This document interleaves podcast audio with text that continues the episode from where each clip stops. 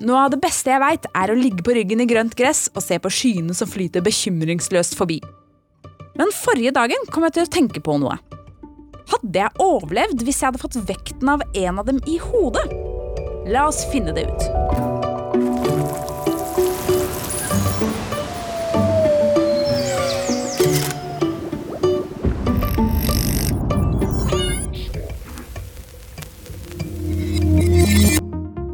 Hjertelig velkommen til en ny episode av Smartere på ti minutter, der jeg, Selda, forteller deg om fakta, vitenskap, historie og andre morsomme temaer som gjør deg nettopp det, bitte lite grann smartere, innen ti minutter. Oh my lord! Hver gang jeg ser fluffy skyer på en blå himmel, begynner jeg å nynne på Simpsons-låta. Og det er ikke så rart med tanke på hvor mange timer jeg har brukt på den serien, og det er takket være den introen at jeg lærte navnet på en sky. Cumulus. Cumulus-skyer svever et sted mellom 500 til 2000 meter over bakken. Og hører til gruppen kalt lavere skyer. Og det er de typiske fluffy, bomullsaktige skyene du ser på en hvilken som helst dag. De kan ligne på blomkål om du vil, og pleier å ha en flat underside. Disse skyene kan man se over hele planeten vår, utenom i Antarktis. Det er fordi cumulus dannes i ustabil luft, der det må være mye varmere nede på bakken enn oppe i lufta. Som betyr at cumulusskyer krever åpent hav eller soloppvarma bakke for at de skal oppstå. Så lenge Antarktis er dekket med is, er cumulusskyer ikke mulig. Men de har jo pingviner der, da. Det er jo noe. Skyer er generelt fascinerende, og noe som selvfølgelig forskes på. Og selv om de ser veldig lette ut der de svever høyt over oss, så har noen smartinger regnet seg fram til at en gjennomsnittlig cumulussky veier 500 000 kilo.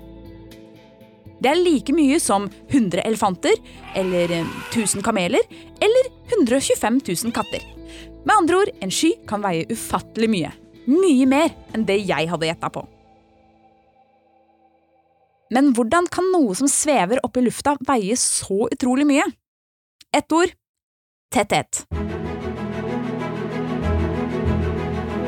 Skyer består av mange millioner små vanndråper, og med små mener jeg mikroskopiske. Når vann fordamper fra havet, er det i form av vanndamp. Dette er et annet ord for vanngass, altså vann i gassform. Folk pleier vanligvis å tro at den hvite røyken over en kjele med kokende vann er vanndamp, men det er feil. Dette er vanndamp som har kondensert, altså avkjølt og gått fra vanngassmolekyler til små dråper. Den røyken du kaller for vanndamp, er egentlig en liten sky.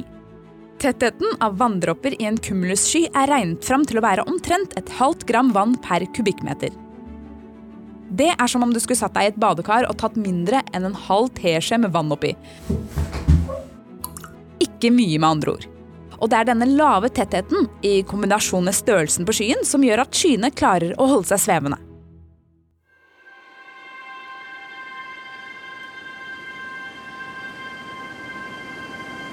Hvor stor en cumulussky er, finner forskere ut ved å se på skyggen den kaster når sola står rett over den.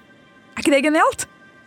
Forskerne setter to punkter, måler avstanden med trippteller, og vips, de har målt lengden av skyen. Hvor lang en sky er, varierer selvfølgelig, for skyer er, som oss mennesker, unike. Men gjennomsnittsskyen sies å være 1 km lang. I naturvitenskapen gjør man en god del antagelser for å forenkle beregninger. Og hvis et objekt har en uregelmessig fasong, så kan man tilnærme fasongen til enten en firkant eller en sfære. I dette tilfellet kan man si at en kumulussky er nesten kvadratisk. Og vips, så finner man ut av volumet på den. Dermed kan forskerne regne seg fram til en tilnærmet størrelse og vekt, og det runde tallet på 500 000 kilo. Det er ganske smart. Kort oppsummert, cumulusskyer finner du rundt 1-2 km oppe i lufta. De er gjennomsnittlig 1 km lange og veier rundt 500 000 kilo. Så neste gang du titter ut og opp og ser de myke, fluffy blomkålskyene over hodet ditt, så er det bare å tenke på at du har vekten av omtrent 125 000 katter over deg.